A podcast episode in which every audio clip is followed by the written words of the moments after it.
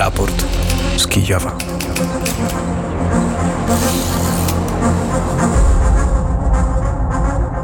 516 dzień rosyjskiej inwazji na Ukrainę, inwazji na pełną skalę. Po krótkiej przerwie wita się znowu z Państwem Paweł Bobołowicz. Audycję realizuje Daniel Chybowski. Zaczynamy od przeglądu wydarzeń przygotowanego przez Darię Hordyjko. W nocy wojska rosyjskie ponownie zaatakowały obwód Odeski. Drony produkcji irańskiej uderzyły w porty rzeczne na Dunaju. Sześć osób zostało rannych, a w wyniku niedzielnego ataku na Odessę zniszczeniu lub uszkodzeniu uległo 25 zabytków architektury w historycznym centrum miasta. UNESCO potępiło rosyjski atak, ogłaszając eskalację przemocy wobec dziedzictwa kulturowego Ukrainy. Rosyjska rakieta zniszczyła największą cerkiew w mieście, Sobór Przemienienia Pańskiego, która podlegała patriarchatowi moskiewskiemu. Patriarcha Cyryl osobiście poświęcił tę katedrę 13 lat temu. O Odessie będziemy dzisiaj rozmawiali z Borysem Tynką, osobą, która o tym mieście chyba wie najwięcej. Dwa drony zaatakowały nocą Moskwę. Według Ministerstwa Obrony Federacji Rosyjskiej były to ukraińskie drony, że rzekomo zostały zestrzelone, uszkodzone zostały dwa budynki, ale nikt nie został ranny. Jednocześnie media piszą, że jeden z dronów uderzył w budynek niedaleko biur rosyjskiego Ministerstwa Obrony i tajnych obiektów GRU. Okupacyjne władze Krymu poinformowały, że dron uderzył w magazyn amunicji w rejonie Dżankoju. Wstrzymano ruch na kolei i autostradzie, ogłoszono ewakuację okolicznych mieszkańców. Rosyjskie Ministerstwo Obrony poinformowało o ataku 17 dronów na Krymie. Ukraina odbiła około 50% terytorium zajętego przez Rosję po inwazji na pełną skalę, stwierdził tak sekretarz stanu e, USA Antony Blinken. Jednocześnie, zdaniem Blinkena, jest jeszcze za wcześnie, by mówić o wynikach ukraińskiej letniej kontrofensywy, która rozpoczęła się niedawno. W ciągu ostatniego tygodnia siły zbrojne Ukrainy wyzwoliły kolejne 16 km kwadratowych terytorium. Poinformowała o tym wiceministra obrony Hanna Malar. Jest to 12 km kwadratowych na południu i 4 km na kierunku bachmuckim. Aleksander Łukaszenka spotkał się w Moskwie z Władimirem Putinem. Łukaszenka powiedział, że bojownicy grupy Wagnera, którzy są na Białorusi, chcą pojechać na wycieczkę do Warszawy i Rzeszowa. O wycieczce będziemy rozmawiali e, za chwilę więcej o tym zdaniu, ale łączymy się z Olą Siemaszko. Dzień dobry, Olu. Dzień dobry. Ola Siemaszko, szefowa naszej białoruskiej redakcji Radia UNET, o którym zresztą z Alesiem Zarębiukiem dzisiaj też wspominał redaktor Skowroński w, w poranku. Olu, zanim przejdziemy do tej kwestii chyba najbardziej rzucającej się w uszy każdego Polaka, czyli tej wycieczki do Warszawy i Rzeszowa, o której powiedział Łukaszenka, to może w ogóle powiedzmy, po co Łukaszenka do Moskwy poleciał. E, dzień dobry e, jeszcze raz. E, i chciałabym zacząć od tego, że dzisiaj mamy taką rocznicę. Miesiąc temu zaczął się marsz Prigorzyna na Moskwie i już teraz staje się jasnie, że głównym powodem zamieszki jest konflikt między Wagnerowcami a Ministerstwem Obrony Rosji. Nie było mowy o przyjęciu władzy i obaleniu Putina i choć Prigozhin zadał taki cios reputacji Putina, nie został aresztowany, nawet zwrócono mu skonfiskowane podczas rewizji finanse i sam szef Wagnera porusza się swobodnie po Rosji i nawet wyjeżdża do Białorusi. Ta zamieszka Wagnera pokazała światu, jak słaba jest struktura władzy w Rosji. Pojawiły się nawet takie propozycje stworzenia planu na przypadek Rosji. Wagnerowcy już po tym miesiącu całkowicie wycofali się z frontu ukraińskiego i teraz Białoruś stała się jednym z miejsc ich rozlokowania. I w niepalnym miesiąc powstał obóz namiotowy w regionie Asipowieckim, do którego przynios, przyniosło się już około 5 tysięcy najemników i w sumie według różnych szacunków będzie tam około 10 tysięcy wagnerowców. Na razie pełnią taką rolę instruktorów dla białoruskiej armii, ale nikt nie wie, dlaczego oni sam, są tu.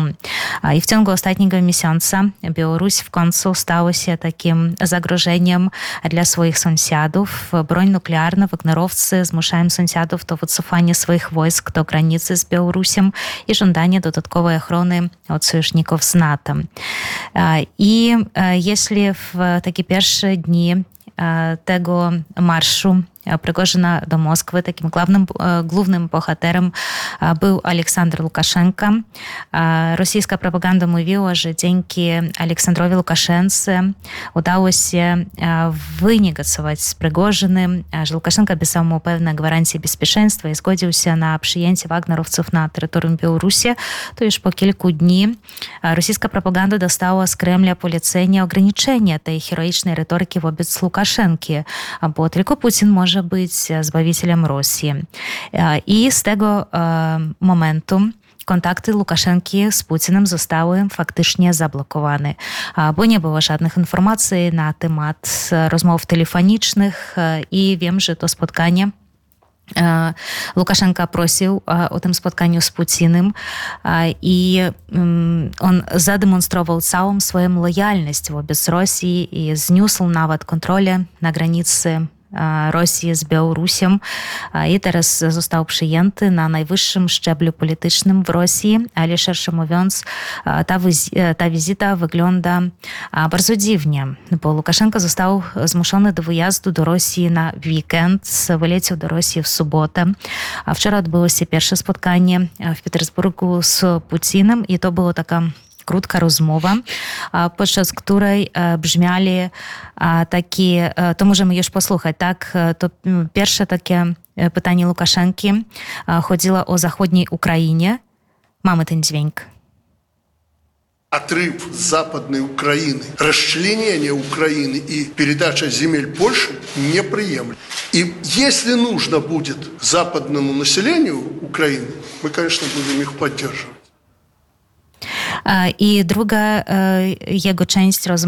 Chodziła o, o tym, co robić z Wagnerowcami na Białorusi, bo oni już chcą pójść na taką wycieczkę do Warszawy, na, do Warszawy, Rzeszowa na zachód. Нас начали напрягать вагнеровцы. Просятся на Запад, нам. Я говорю, вам зачем на Запад туда? Ну, и, и втихую мы же контролируем, что происходит. Ну, сходим на экскурсию в Варшаву и Жешув. А Жешув для них неприемлемо. Когда они воевали под э, Артемовском, э, они же знают, э, откуда шла военная техника. И у них вот это внутри сидит. Жешув – это беда. Pozwól Olu, że ten drugi, pozwól Olu, że ten drugi dźwięk przetłumaczę. Zaczęli nas męczyć Wagnerowcy, proszę o wyjazd na zachód. Mówią, pozwólcie nam. Pytam, po co tam jechać na ten zachód? Cóż, ale po cichu kontrolujemy, co się dzieje. Mówią, wybierzemy się na wycieczkę do Warszawy, Rzeszowa, a Rzeszów nie jest dla nich czymś przyjemnym. Pamiętają, jak walczyli w pobliżu Artiomowska i wiedzą, skąd pochodził sprzęt wojskowy i mają takie wewnętrzne przekonanie, że Rzeszów to katastrofa, tak powiedział Łukaszenka. Olu, co oznaczają te słowa. To tak jak dzisiaj Krzysztof Skowroński powiedział w poranku strachy na lachy, mamy się czegoś obawiać realnie, czy rzeczywiście ma to wywołać pewien ferment informacyjny u nas w Polsce? Ні о чим не mówię, bo Łukaszenka pojechał do Putina, pojechał do Sankt Petersburga, żeby dowiedzieć się o planach Putina, co, co będzie o przyszłości, co będzie dalej z tej, operacji, z tej operacji wojskowej i co będzie dalej z Wagnerowcami na Białorusi. Bo on ma tych Wagnerowców, a co z nimi zrobić, oczywiście on nie zna. I Rosja jego o tym nie informuje. I to, co, o czym on mówił wczoraj, to było, tak, moim zdaniem, to takie zandowanie gleby było, żeby zobaczyć, jak Putin zareaguje, bo oczywiście Łukaszenka teraz widzi dwie takie propozycje, dwie możliwości dla Wagnerowców, czy iść na wschód, na zachód Ukrainy, czy iść na zachód do Polski.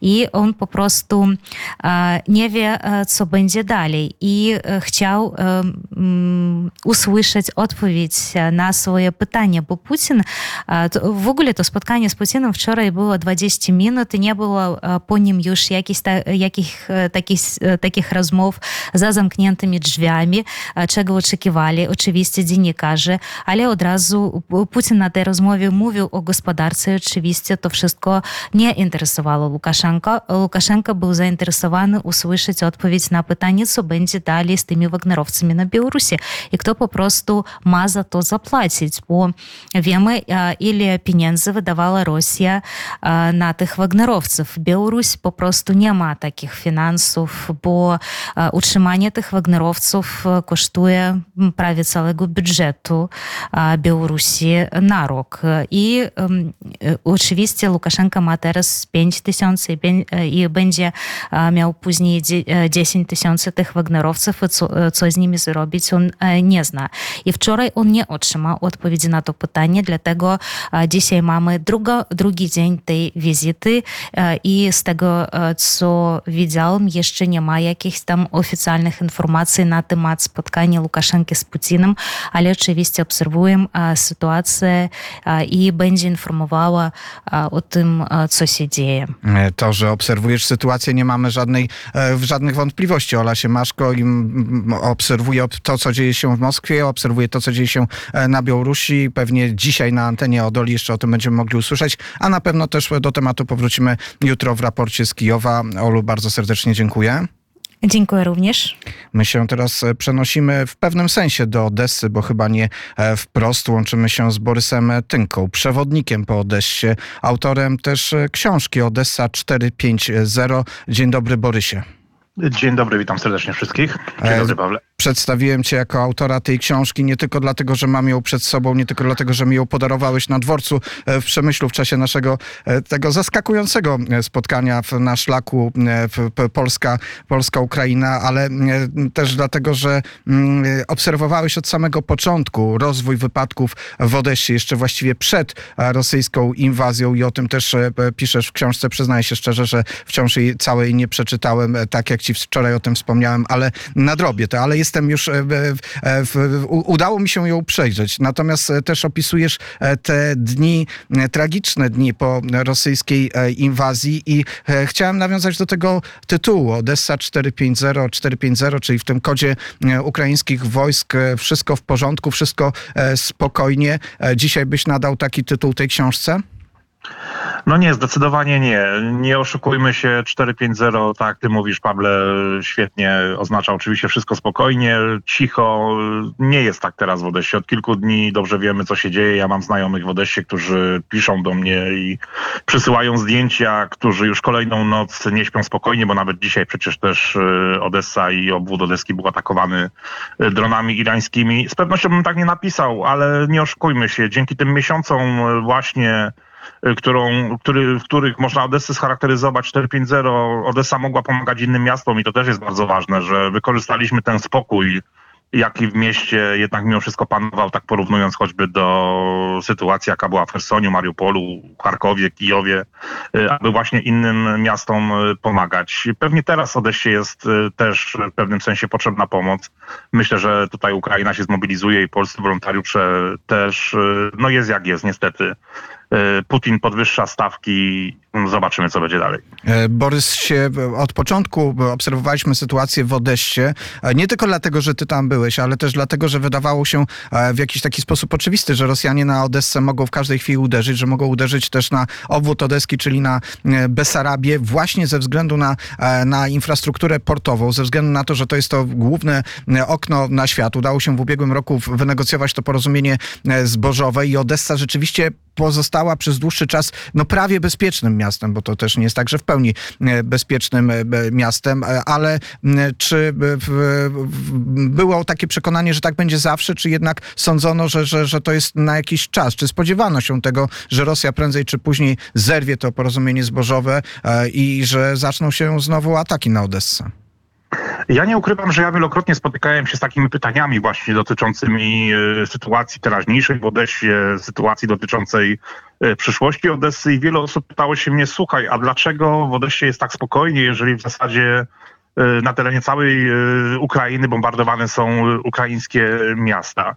No też to było zastanawiające i na pewno też nie jeden raz ty się nad tym zastanawiałeś, no bo nie oszukujmy się, porównując do sytuacji choćby w Kijowie, Charkowie, jeszcze raz będę powtarzał, na okrągło Mariupolu czy Mikołajewie, w Odessie było stosunkowo spokojnie. Oczywiście nad Odessą latały drony, latały rakiety, były oczywiście słyszalne alarmy przeciwlotnicze, zresztą rekord, pamiętam, padł w grudniu, byłem wtedy w Odessie, około 6 godzin trwał alarm przeciwlotniczy, była bombardowana infrastruktura, y, krytyczna, były problemy z prądem, ale nie było bombardowania centrum miasta. W styczniu historyczne centrum miasta zostało decyzją y, specjalnego komitetu UNESCO y, włączone właśnie na listę dziedzictwa kulturowego UNESCO i wydawało się, że tak będzie w zasadzie cały czas. Być może wielu mieszkańców Odesy zostało jakby tak w cudzysłowie uśpionych, prawda, że uwierzyli w to, że tak będzie zawsze, że będzie ten spokój, że jednak mimo wszystko będzie można jakoś tutaj odetchnąć, mimo tych takich nieprzespanych e, nocy. No okazuje się, że nie, że tutaj nikt nie jest w stanie przewidzieć, co będzie jutro. E, pewnie wielu, wiele osób teraz stanęło mocno na ziemi i zupełnie inaczej patrzy na obecną sytuację. No należy się jednak mimo wszystko modlić o to, aby aby te ataki ustały, albo przynajmniej o to, aby środki przeciwlotnicze, czyli ta obrona przeciwlotnicza w Odessie była nieco lepsza. Ja nie ukrywam, że też bardzo często e, powtarzałem, że w Odessie jest świetna obrona przeciwlotnicza, no wychodzi jednak na to, że są pewne tutaj dziury, które pewnie trzeba będzie nadrobić. Ale nie ma żadnej wątpliwości, że te ataki na Odessę są powiązane przede wszystkim e, z infrastrukturą e, zbożową, z infrastrukturą portową, która, ma, która umożliwiała eksport ukraińskich produktów rolnych. Zresztą, gdy się przejeżdża w okolicach Odessy, widać te potężne silosy zbożowe. Widać było też olbrzymią liczbę samochodów, które z całej Ukrainy zwoziły produkty rolne, które później dalej drogą morską trafiały do, do Turcji, a później do e, innych e, państw. E, I, i w, w, wiadomo, że te rakiety na tą infrastrukturę spadały teraz, ale spadły też na samą Odessę. 25 obiektów wpisanych na listę UNESCO, w tym obiekt o wielkiej wartości nie tylko architektonicznej, ale też sakralnej. E, tak, e, no niestety wczoraj była bardzo wyjątkowa noc, bo nawet mówiąc o Odessie, o bombardowaniu Odessy, zawsze mówiło się, że jednak mimo wszystko oczywiście infrastruktura portowa, e, obrzeża miasta, ale nigdy nie wspominano o centrum. E, historyczne Centrum Odessy jest pisane na e, światową listę UNESCO. Sobór Przemienia Pańskiego stojący na Placu Sobornym znajduje się w historycznym centrum, więc on sam jako tako nie jest pisany na listę światowego dziedzictwa, ale jednak mimo wszystko jest pod ochroną, czyli, czyli znajduje się na terenie właśnie historycznego centrum. Największa cerkiew prawosławna Odessy żeby było śmiesznie, bo przepraszam, że tak użyję tego słowa, to cerkiew ta została poświęcona przez y, wszystkim dobrze znanego Cyryla, prawda, patriarchę moskiewskiego, więc to też jest taka ironia losu. Ja nawet wczoraj zdążyłem obejrzeć y, moment, gdzie y, Cyryl święci tą świątynię i on użył takich słów, że Kiedyś ta świątynia była zburzona przez y, bolszewików y, i zróbmy wszystko, aby nie była zburzona przez kolejnych barbarzyńców. Więc takie dosyć y, dziwne słowa, prawda? E, e, dziwne, chociaż e, patrząc na tą, na tą hipokryzję i to, co dzieje się wokół tej sytuacji, może nie zaskakujące, bo przecież ta ocena rosyjska jest całkowicie inna, że to nie Rosjanie ostrzelali centrum Odessy, że dokonali tego Ukraińcy, że to ukraińskie tak, ra rakiety ale, ale spadły. To, ale to, to nie jest nawet ocena, to jest po prostu, wydaje mi się, totalna perfidia, bo tego inaczej się nie da nazwać. Nawet chwilę dosłownie po wybuchu zaczęła być edytowana Wikipedia e, rosyjskojęzyczna, jeżeli chodzi o informacje właśnie dotyczące Soboru Przemienienia Pańskiego, gdzie e, faktycznie ktoś dodał notatkę, że Sobór Przemienienia Pańskiego został uszkodzony właśnie przez ukraińską obronę przeciwlotniczą, więc naprawdę to jest dowód na to, że że no, to, to nie jest ocena, to jest perfidia, bo to ciężko inaczej nazwać, prawda? No dzisiaj drony zaatakowały Moskwę, gdzie Zacharowa już wypowiedziała się chyba bodajże na stronie Ministerstwa Spraw Zagranicznych y, Rosji, że to jest atak terrorystyczny, więc y, naprawdę no, w ustach tych ludzi no to brzmi, nie chcę powiedzieć śmiesznie, no ale co najmniej perfidnie, dziwnie, prawda, bezczelnie. E, Borysie, nie jesteś teraz w Odessie, ale na pewno masz e, kontakt z mieszkańcami Odessy. Wspomniałeś zresztą, że Odessa też była, stała się takim e, przytułkiem dla tych, którzy uciekali wcześniej z Hersonia, z Mikołajowa, gdzie ta sytuacja była o wiele bardziej dramatyczna. Jaka jest teraz atmosfera wśród mieszkańców? Te osoby planują wyjeżdżać z Odessy? Czy jest jakaś panika wśród społeczeństwa, czy raczej spokój?